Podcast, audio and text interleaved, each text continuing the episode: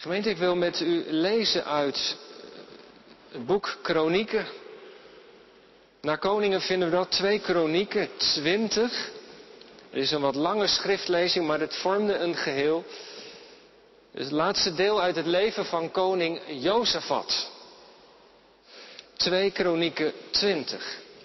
Enige tijd later trokken de Moabieten en de Ammonieten samen met een deel van de Meonieten tegen Jozefat in strijden. En boodschappers kwamen Jozefat melden, een groot leger valt u aan vanuit Edom, aan de overkant van de zee. Ze zijn al bij Gazezon Tamar, dat is Engedi. En Jozefat schrok hevig. En hij besloot de Heer om raad te vragen. Hij kondigde in heel Juda een vaste dag af. En uit werkelijk alle steden van Juda kwam, kwam men bijeen om de Heer om raad te vragen. En toen de gemeenschap van Juda en Jeruzalem zich in de nieuwe voorhof van de tempel had opgesteld, trad Jozefat naar voren en zei, Heere, God van onze voorouders, u bent de God in de hemel. U heerst over de koninkrijken van alle volken. In uw hand liggen macht en kracht besloten. Niemand zich kan zich tegen u verzetten. U onze God hebt de vroegere inwoners van dit land voor uw volk Israël verdreven en het voor altijd aan de nakomelingen van uw vriend Abraham toebedeeld. Ze gingen wonen, bouwden een heiligdom voor uw naam dat ze inwijden met de woorden, wanneer enig onheil ons treft, het straffend zwaard of de pest of een hongersnood, wij ons voor deze tempel voor u opstellen. In deze tempel woont immers uw naam. En als wij u in onze ellende aanroepen, aanhoor ons dan en kom ons te hulp. Nu worden wij aangevallen door de bewoners van Ammon, Moab en het Seergebergte. De gebieden waar de Israëlieten tijdens hun uittocht uit Egypte van u niet doorheen mochten trekken. En die zij daarom voorbijgetrokken zijn en niet hebben vernietigd. En als dank daarvoor trekken ze nu tegen ons op om ons te verdrijven uit uw eigen land dat u ons in bezit hebt gegeven. God, straf hen af. We zijn niet opgewassen tegen de grote legermacht die ons nu aanvalt. We weten niet wat we moeten doen. Op u zijn onze ogen gevestigd. Heel Juda stond opgesteld voor de Heer. Ook de vrouwen en de kinderen.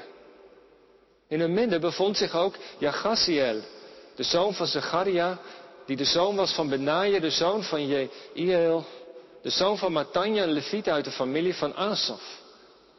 Hij werd ter plekke gegrepen door de geest van de Heer en zei, Juda en Jeruzalem en uw koning Jozef had luister goed. Dit zegt de Heer. Jullie hoeven niet bang te zijn voor de grote legermacht die jullie bedreigt, want dit is niet jullie strijd, maar die van God. Ga u morgen tegemoet. Zij trekken nu over de pas van Zis, waar de waar die uitkomt in de woestijn van Jeruel, en zullen jullie hen treffen. Jullie hoeven in deze strijd geen slag te leveren. Wacht rustig af, dan zullen jullie zien hoe de Heer, die jullie, Juda en Jeruzalem bijstaat.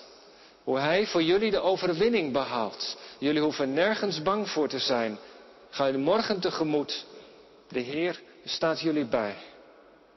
En Jozef had boog diep voorover en heel Juda en Jeruzalem knielde neer om de Heere hulde te bieden.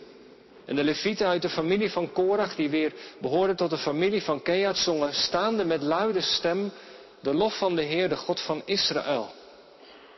En de volgende morgen gingen ze op weg naar de woestijn van Tekoa. En bij hun vertrek trad Jozef wat naar voren. Hij sprak hen toe als volgt. Juda en Jeruzalem, luister. Vertrouw op de Heer uw God en u zult stand houden. Vertrouw op zijn profeten en uw welslagen is verzekerd. In overleg met het volk wees hij zangers aan om de lof van de Heer te zingen. En zij trokken voor de bewapende legermacht uit. De heilige glorie prijst het met de woorden, loof de Heer, eeuwig duurt zijn trouw. En zodra zij jubelend een lofzang aanhieven, zorgde de Heer ervoor dat de Ammonieten en Moabieten en de bewoners van de Seergebergte, die Juda wilden aanvallen, vanuit de verdekte stellingen werden belaagd en zo werden ze verslagen.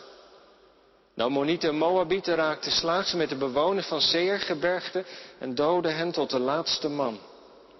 En nadat ze met de bewoners van Seir hadden afgerekend, stortten ze zich op elkaar. De Judeërs waren inmiddels op een punt aangekomen van waar ze de woestijn konden overzien. En toen ze uitkeken naar het leger, zagen ze dat de grond bezaaid was met lijken. Niemand was ontkomen. Jozefat en zijn leger gingen erop uit om de buit binnen te halen. Ze troffen een grote kudde vee aan en goederen, kleding en kostbare voorwerpen. Ieder verzamelde meer dan hij dragen kon en het kostte wel drie dagen om alles te vergaarden. Zo groot was de buit. En de dag daarna kwamen ze bijeen in Emek Buraga, omdat ze daar de Heere loofden. Wordt die plaats tot op de dag van vandaag Emek Buraga genoemd. Met Jozefat aan het hoofd keerden alle mannen van Juda en Jeruzalem terug naar Jeruzalem. Opgetogen omdat de Heer had laten zegevieren over hun vijanden. In Jeruzalem aangekomen trokken ze begeleid door muziek van lieren, harpen en trompetten naar de tempel van de Heer. En toen de andere koninkrijken hoorden hoe de Heer de vijanden van Israël had bestreden, werden ze door vrees voor God bevangen. Voortaan heerste er vrede in het koninkrijk van Jozefat, want zijn God verschaft hem rust aan al zijn grenzen. Tot zover de lezing van de woorden van God. Het thema voor de preek. Als je ten einde raad bent. Gemeente van Christus, u die te gast bent.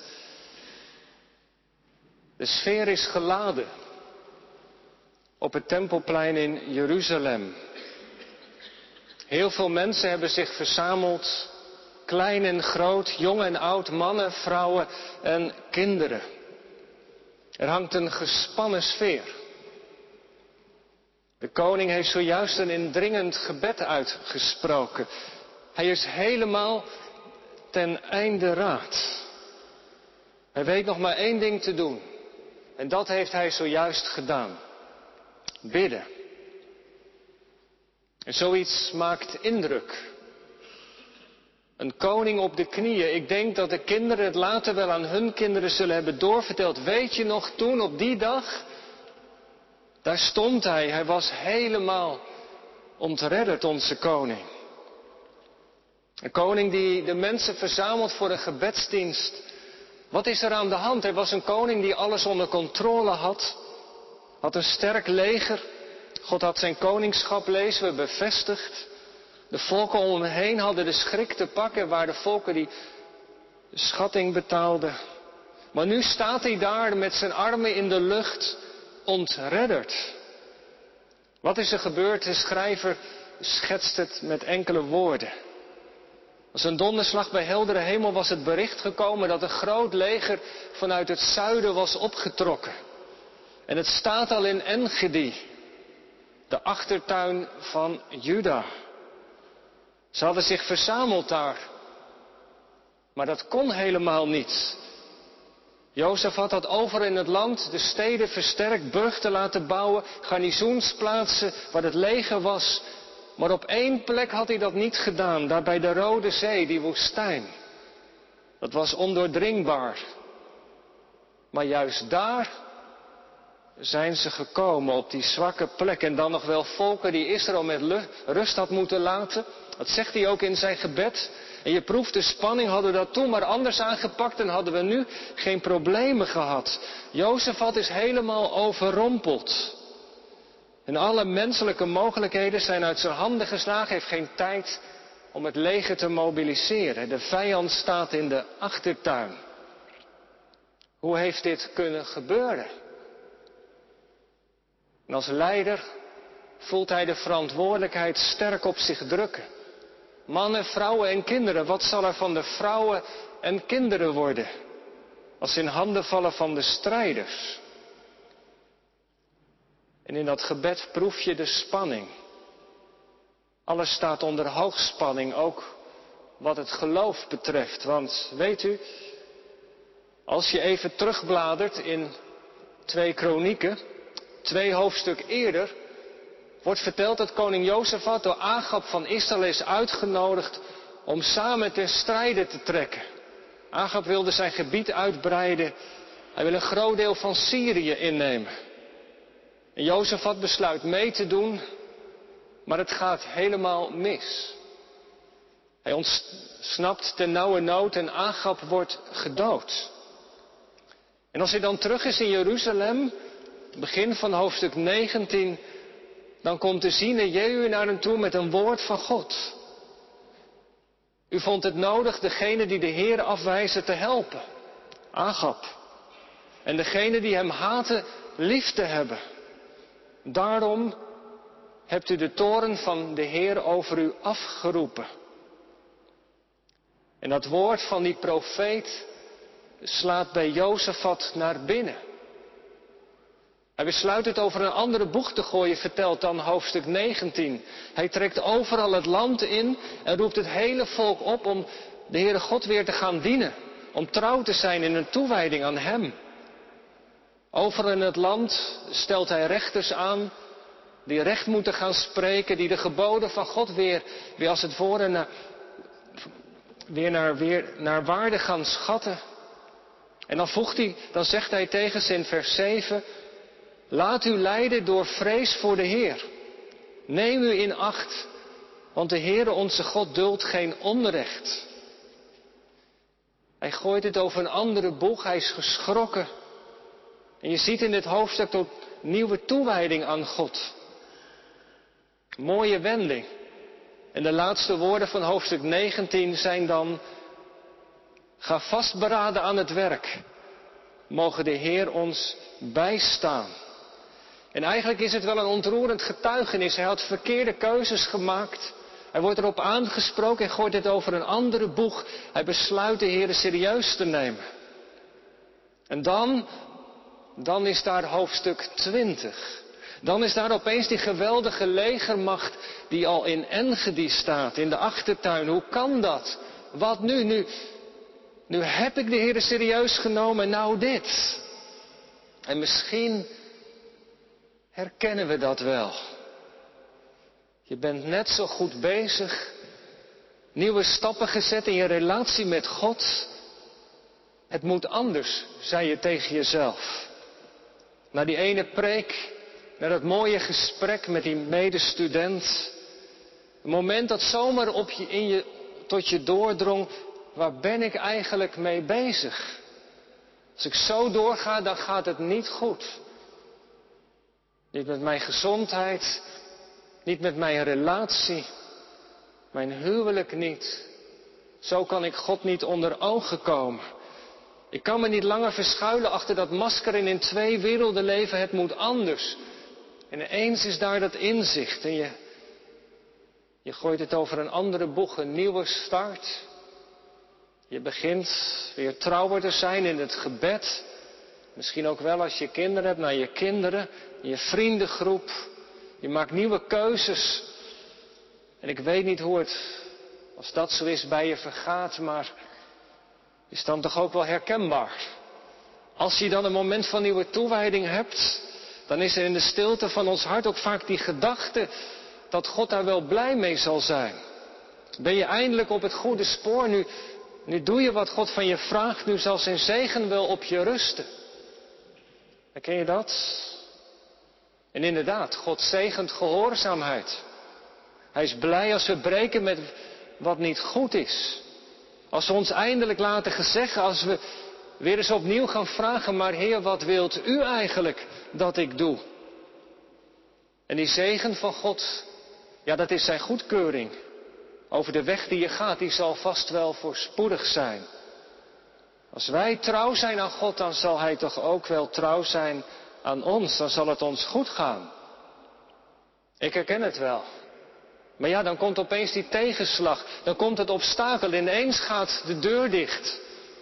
Dan wordt er aan je levensboom geschud, dan is daar die crisis, dat conflict. Dan lopen de dingen stroef. Dan hebt de vreugde in je leven weg. Dan zijn er opeens donkere wolken.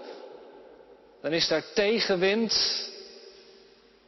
En dan zijn er van die lastige vragen. Heer, waarom nu? Wat, wat, wat is dit nu? Nu heb ik een keer deze stap gezet. Nu ben ik een keer weer opnieuw in de kerk. Nu, Als dit dan het gevolg is, dan weet ik het zo net nog niet, dan hoeft het voor mij niet. En zijn momenten dat je soms de handdoek in de ring wilt gooien. Had God dat trouwens niet kunnen verhinderen, denk je? Ik was toch goed op weg? Maar weet u, die veronderstelling die daarachter ligt, die daaronder zit, dat als je de weg van God gaat, als je doet wat Hij van je vraagt, dat je dan geen problemen zult hebben, dat alles voorspoedig gaat, die veronderstelling is niet juist. Zei Jezus niet, in de wereld zul je verdrukking hebben. Is geloven niet het gaan van de smalle weg? Is geen gemakkelijke weg, een weg met obstakels, met gesloten deuren, met conflicten, met moeite en verdriet, met pijn. Thomas Halik, de Tsjechische priester en hoogleraar, in dat laatste boek van hem raakte wonden aan, vat hij dat eigenlijk heel sterk samen. Alleen verwonding is een teken van een waar geloof. Alleen verwonding is een teken van een waar geloof. Dat is nogal scherp gezet, gezegd. Maar het is wel in lijn met de Bijbel. Een christen volgt immers, als het goed is, Christus na. In het hart van het christelijk geloof staat een gewonde en stervende man centraal. Wat hier dus met Jozef had gebeurd, na dat moment van nieuwe toewijding, die tegenslag ineens, dat hoort bij het geloof. Dat is niet vreemd aan het geloven in de Heere God. Geloof is geen serum voor succes of voorspoed. Het is het mooiste wat je kunt overkomen. Het geeft diepe zin aan je leven. Misschien herken je dat ook wel. Een vrede die alle verstand te boven gaat. Maar geloof is niet gemakkelijk. Het gaat niet zonder scheuren. There's a crack in everything. That's how the light gets in. Leonard Cohen zei dat. Er is een scheur in alles. Zo komt het licht binnen. Geloof is geen vrijbrief voor problemen. De vraag is niet waarom gebeurt dit, maar de vraag is veel eerder, hoe ga ik ermee om? Nu dit gebeurt. Even terug naar Jozefat, wat doet hij? Nou ja, er is eigenlijk nog maar één ding dat hij kan doen.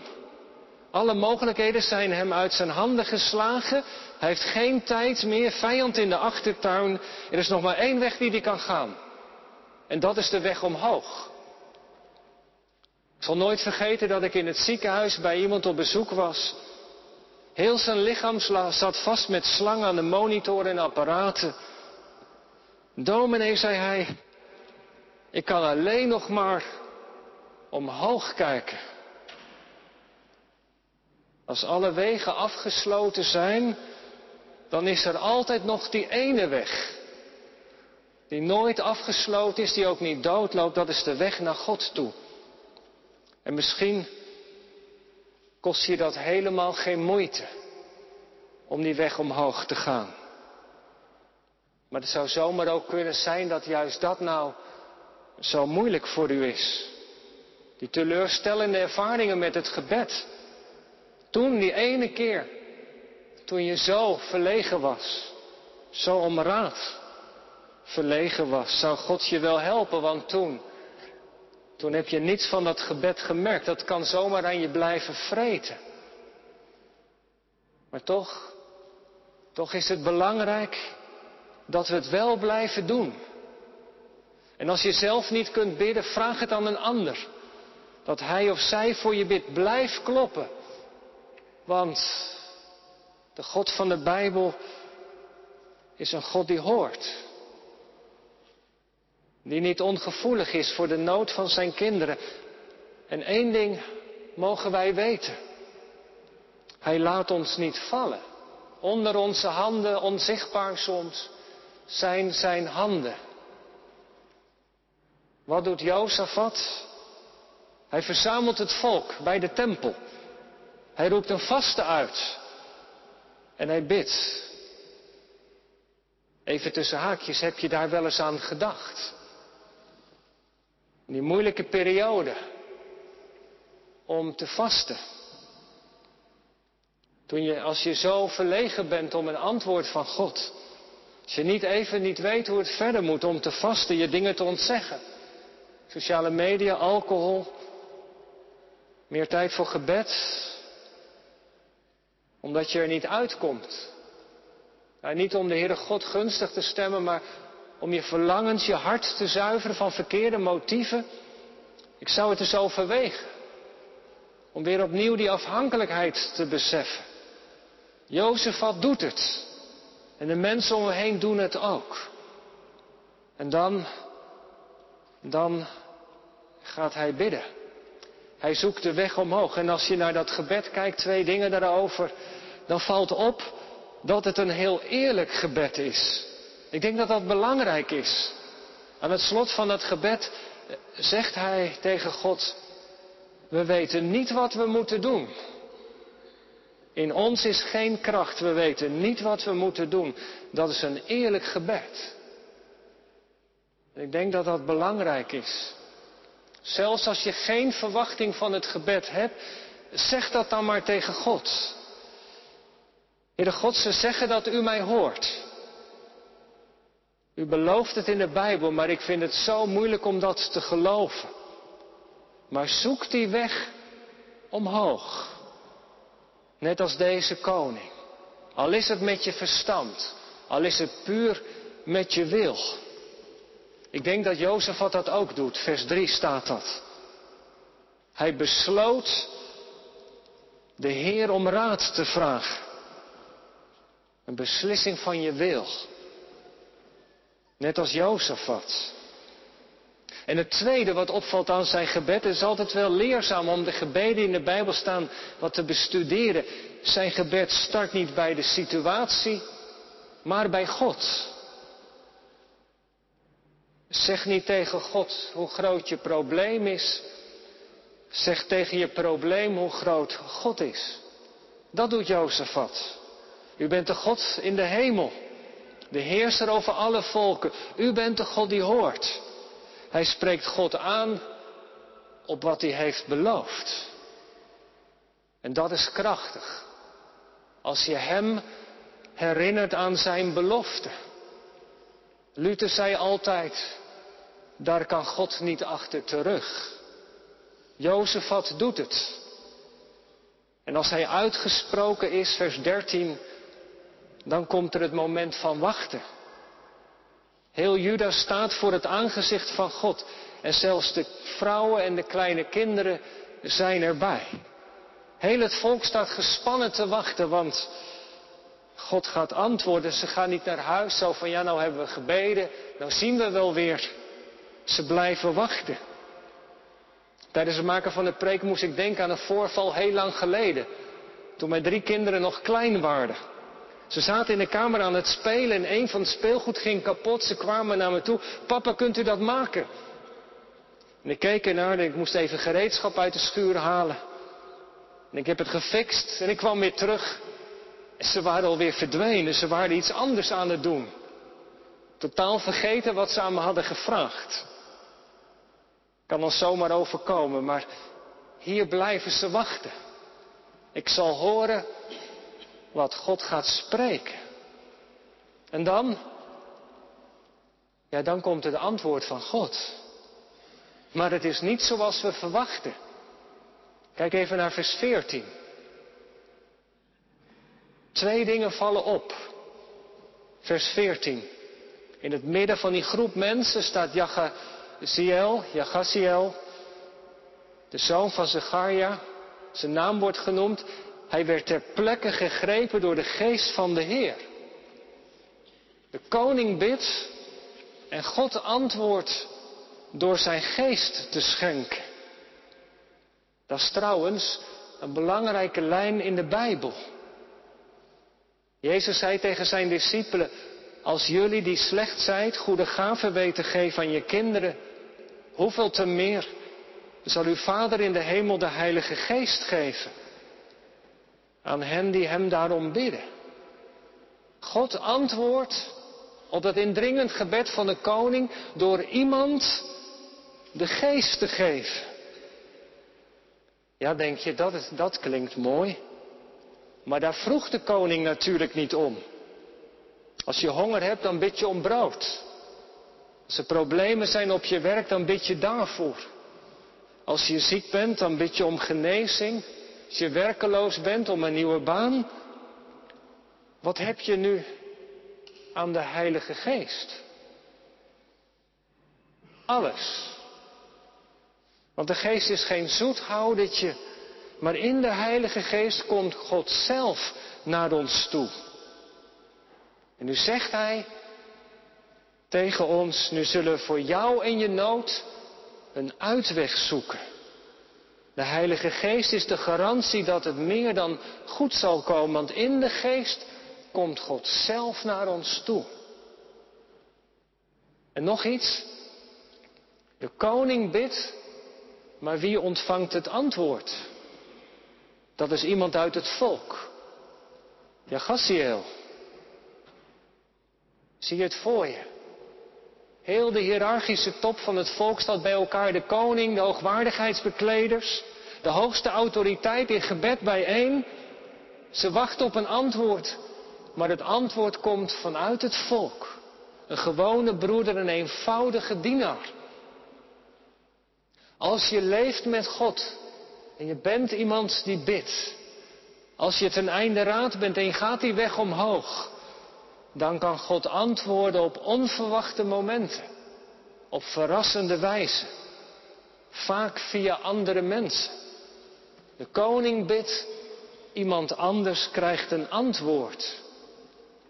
Daarom is het zo belangrijk dat je hier bent vanmorgen, dat je onderdeel bent van die gemeente van Christus. Dat we leven in gemeenschap met broeders en zusters, want God gebruikt hen om tot ons te spreken. Heb je het niet eens gehad?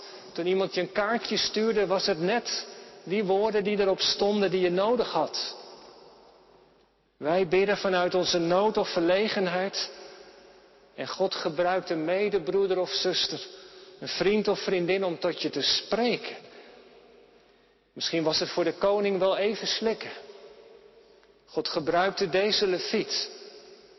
Maar dat is nou precies hoe God werkt. Dat is ook weer zo'n belangrijke lijn in de Bijbel. God spreekt van onderop.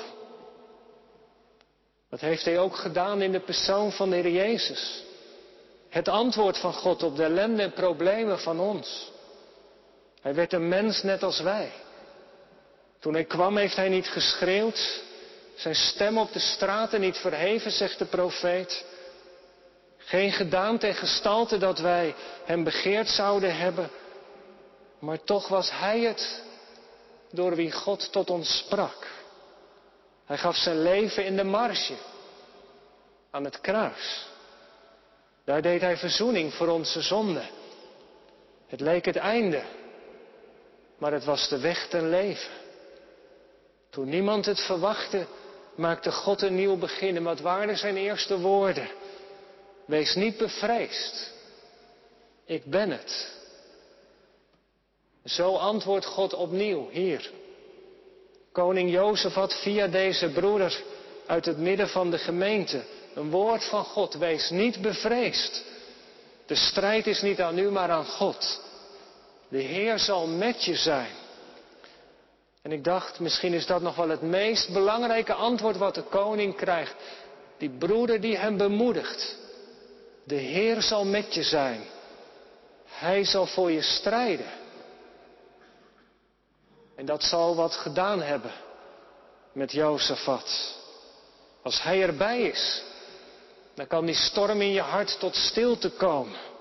Zijn woorden geven zoveel vrede. Ze maken indruk. Jozefat gaat op de knieën. Heel het volk met hem. Met beide armen ontvangen ze het woord van God, de profetie. En de levieten gaan God prijzen. Loof de Heer. Vergeet niet één van zijn weldaden. En weet u wat ik zo indrukwekkend vind? De volgende morgen. Kan je zeggen, ja, dat is de ene dag, maar ja, hoe zal het de volgende dag wel zijn? Ben je dan opnieuw vol vertrouwen of, of focus je dan weer op de omstandigheden? De koning gaat staan. Hij roept de mensen bij elkaar. Wij moeten op de Heere vertrouwen, op het woord van zijn profeten. En hij pleegt overleg en samen besluiten ze om niet het leger vooruit te sturen, maar een koor. Levieten die gaan zingen. Ze treden de vijand met een lofzang in de mond tegemoet. Oh ja, dat zei de psalm ook. Ik zal zijn lof zelfs zingen in de nacht, daar ik hem verwacht.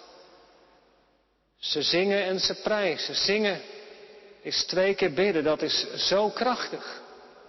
En ze hoeven niks te doen. Op een wonderlijke manier gaan al die vijanden elkaar te lijf. Ze bestrijden elkaar, ze worden verslagen. En Israël staat erbij. En ze kijkt ernaar. Gemeente, zo gemakkelijk zal het lang niet altijd gaan. Dat moeilijkheden als sneeuw voor de zon zullen verdwijnen. Maar laten we vanmorgen in ieder geval dit meenemen. Vier dingen noem ik. Eén. Als dingen nou ons benauwen en we geen weg voor ogen zien, vergeet dan niet de weg omhoog. Laat God niet buiten je probleem, maar wees eerlijk en wacht. Twee. Sluit je niet af van de gemeente. God gebruikt broeders en zusters om tot je te spreken. Hij is de levende God. Gebruikt het woord, de prediking. Maar ook mensen om je heen. Zonder je niet af. Want dan zou je zomaar een woord van Hem kunnen missen. Drie. Vergeet niet dat als je de situatie in Zijn hand hebt gelegd, dat Hij voor je zal strijden. Leg je leven in Zijn hand en wacht welke uitkomst de Heer zal geven. En als laatste, als je ten einde raad bent, of natuurlijk als je dankbaar bent, je mag altijd zingen, maar vergeet in die tussentijd, als je gebeden hebt en het antwoord blijft uit, vergeet dan niet te zingen. Breng in jezelf in herinnering wie God is en wat Hij heeft beloofd. Dat doet de dichter van Psalm 40 ook. Laten we uw heil beminnen hier en nu in u verheugd zijn en uitroepen tegen de omstandigheden in. Groot is de Heer. Laten we u zoeken, jubelen in u. Al leef ik in ellende. Dat is de situatie waarin hij zich nog steeds bevindt. Misschien jij ook wel, of u. Al leef ik in ellende. De Heer zal het wenden. Hij ziet naar mij om. Amen.